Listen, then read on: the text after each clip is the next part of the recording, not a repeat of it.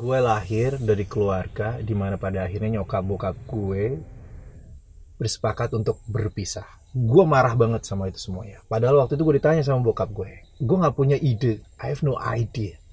Gue nggak ngerti gue harus ngapain pada waktu itu. Jadi lu bayangin, ada tahun bertahun-tahun gue menyimpan rasa marah tersebut. Dan itu berdampak kepada banyak hal.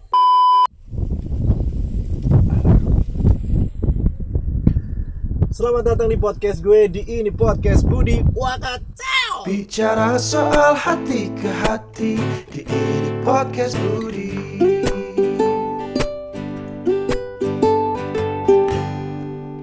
Gue nggak tahu udah berapa episode semua ini berlangsung. Mudah-mudahan sampai sejauh ini gue masih diterima. Minimal gue nemenin lu semuanya dengan cerita-cerita yang gue punya, pengalaman-pengalaman yang telah gue lewati. Karena memang tujuan gue bikin podcast ini pertama buat nemenin lu. Maksudnya nemenin itu adalah bahwa gue yang udah gue yang udah umurnya 35 tahun ini yang telah ya sedikit banyak melewati banyak hal gue mau berbagi lewat cerita itu yang pertama yang kedua mudah-mudahan kalau nggak bisa ngambil hikmah atau pelajaran bagus dari cerita gue ini jadi hiburan yang ketiga kalau nggak jadi hiburan nih ya mau jadi apa lagi? Baru deh yang terakhir. Kalau memang jadi bonus itu jadi pemasukan digital gue. Jujur ya. Yes hari ini gue mencoba buat bahas satu tema penting yang menurut gue bisa gue sampaikan sama teman-teman semuanya di pembuka tahun 2021 ini. Gue membahas tentang pentingnya memaafkan. Kalau dalam hidup ini kita mengenal yang namanya tolong apalagi setelah tolong maaf dan terima kasih. Gue membahas tentang namanya maaf. Jangkauannya nggak cuma tentang hubungan lo sama gebetan lo pacar lo temen lo sahabat lo orang tua lo ini lebih luas lagi jadi gue punya cerita. Ini gue buka sendiri cerita gue ya. Mudah-mudahan ini juga mewakili beberapa di antara lo juga jadi gue lahir dari keluarga di mana pada akhirnya nyokap bokap gue bersepakat untuk berpisah. Orang bilang itu broken home, tapi buat gue enggak. Karena broken home itu punya konotasi yang negatif. Buat gue, buat gue itu sebutannya kalau buat gue nih istilahnya itu adalah sebuah sikap di mana orang tua kita sebagai orang dewasa memutuskan sebuah perihal yang memang punya dampak besar untuk tatanan keluarga yang utamanya adalah anak-anaknya. Yes, itu keputusan orang dewasa. Singkat cerita, ternyata gue marah banget sama itu semuanya. Padahal waktu itu gue ditanya sama bokap gue, kenapa? Gimana menurut kamu kalau papa sama mama berpisah? Karena gue nggak punya pengalaman, gue nggak punya kapasitas apa-apa. Akhirnya gue bisa, yang gue bisa lakuin hanya diam doang. Jadi karena gue nggak tahu gue marah. Jadi gue gue nggak punya ide. I have no idea. Gue nggak ngerti gue harus ngapain pada waktu itu. Sehingga akhirnya marahnya gue gue bawa sampai umur 27 lu bayangin umur 27 eh no umur umur 28 waktu itu bokap nyokap pisah sekitar tahun eh gue umur sekitar tahun uh, umur 15an lah. Jadi lu bayangin ada tahun bertahun-tahun gue menyimpan rasa marah tersebut. Dan itu berdampak kepada banyak hal. Terhadap perteman cara gue berteman cara gue berhubungan memberi kasih sayang sama orang-orang di sekitar gue termasuk sama kekasih gue mungkin. Ternyata satu persoalannya ternyata satu persoalannya yang membuat gue menjadi orang yang bermasalah.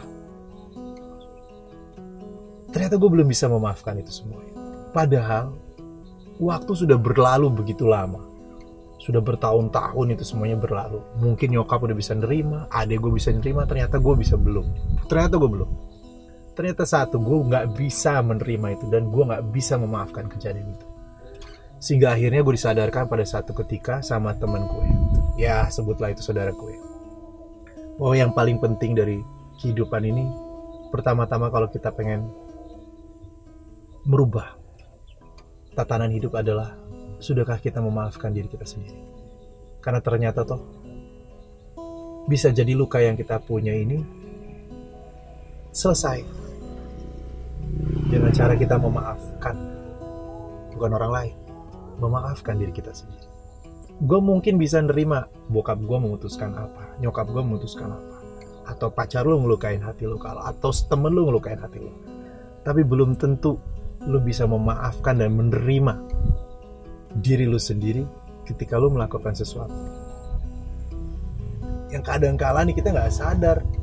Gua pribadi nggak sadar dengan semuanya akhirnya gue ditantang sama saudara gue untuk belajar untuk menerima dan memaafkan diri lu sendiri. Yang gue omongin gak gampang mungkin gue cuma ngasih petunjuk kecil doang buat lo di sana. Bahwa memaafkan diri sendiri itu adalah sebuah perjuangan tersendiri. Kalau gue pikir-pikir betapa sedihnya seorang anak yang harus menyaksikan kedua orang tuanya berpisah. Tapi ternyata lebih menyedihkan lagi. Menyaksikan diri kita ini ternyata belum bisa memaafkan dan menerima kehidupan kita sendiri.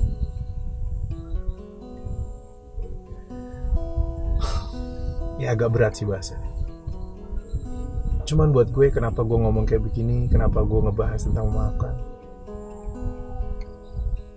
Rasanya kalau cuma buat maafin orang kita gampang ya. Tapi yang berat itu maafin diri kita sendiri. Menerima banyak hal yang kita anggap gak pantas, kurang, atau bahkan menyakitkan buat kita. Jadi, gue lakuin itu.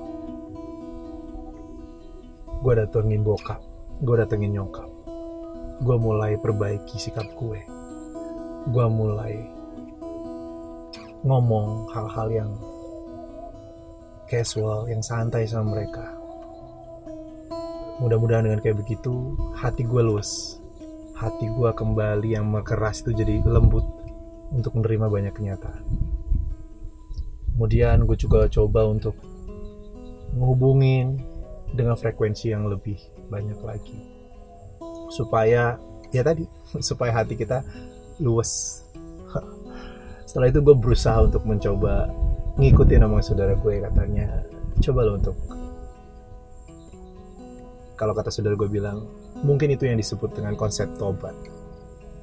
Tobat itu kan ada dimensi kita meminta kepada Tuhan untuk diampuni dosa-dosanya. Tapi kalau saudara gue bilang, bertobat itu juga ada dimensi di mana sebetulnya kita memaafkan diri kita sendiri dengan dibantu oleh Tuhan. Artinya, dengan kita meminta maaf kepada Tuhan, mudah-mudahan Tuhan membantuin kita untuk menemukan rasa sakit itu. Ketidakmampuan kita terhadap menerima diri kita sendiri, yang akhirnya endingnya kita bisa memaafkan dan bisa menerima diri kita sendiri jadi ya itu yang gue lakuin. Dan yang ketiga yang gue lakuin adalah yang terakhir. Ikhlas. Susah sih ya ngomongin ikhlas lagi ngomongin memaafkan diri lagi. Karena tugas terberat kita adalah memaafkan diri kita sendiri bukan memaafkan orang lain. Maafin orang lain itu kayaknya gampang walaupun mas walaupun bobotnya menyakitkan dan lain sebagainya. Karena memaafkan diri sendiri itu lu berhadapan dengan diri lu sendiri bukan sama orang lain. Iya enggaknya terima enggaknya yang tahu cuma lu. Jadi begitu.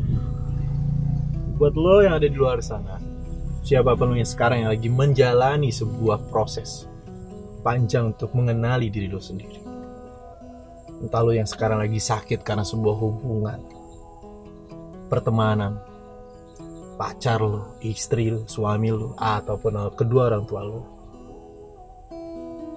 Dan itu berpengaruh terhadap hidup kehidupan lo saat ini. Belajarlah untuk memaafkan.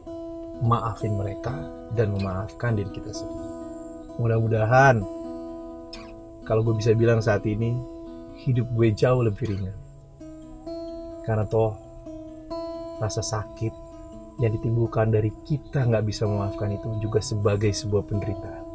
Dan ngapain juga kita membawa-bawa penderitaan yang panjang sampai seumur hidup kita kalau kita bisa lepaskan itu.